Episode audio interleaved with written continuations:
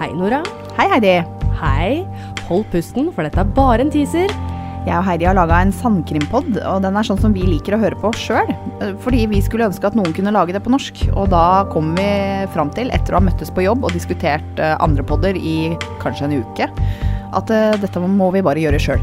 Ja, så dette er faktisk bare et par ukers bekjentskap. Og vi bare tenkte, vet du hva, dette kaster vi oss ut i.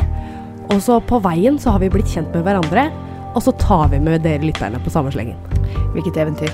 Vi snakker om krimsaker fra inn- og utland, og vi banner fritt. Og vi forbanner gjerninger og gjerningspersoner. Eh, vi diskuterer også teorier og utveksler eh, meninger, så det er veldig Vi har mye meninger.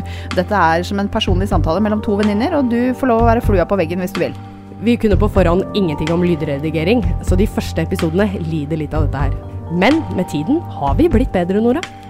Det har vi. Eh, vi bytter på å fortelle hverandre en historie annenhver uke uten at den andre på forhånd veit hva vi skal si.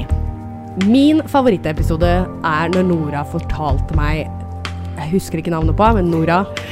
Huden henda, ikke sant? Ja. Mary Vincent. Ja, det var en flott episode. Ja, den likte jeg jo faktisk. Men eh, min eh, favorittepisode som du fortalte om, det må ha vært Elisabeth Smart. Åh, jeg elsker en god overlevelseshistorie. Ja, jeg òg. Og de to sakene her er jo kjent for det begge to. eh, ja sant.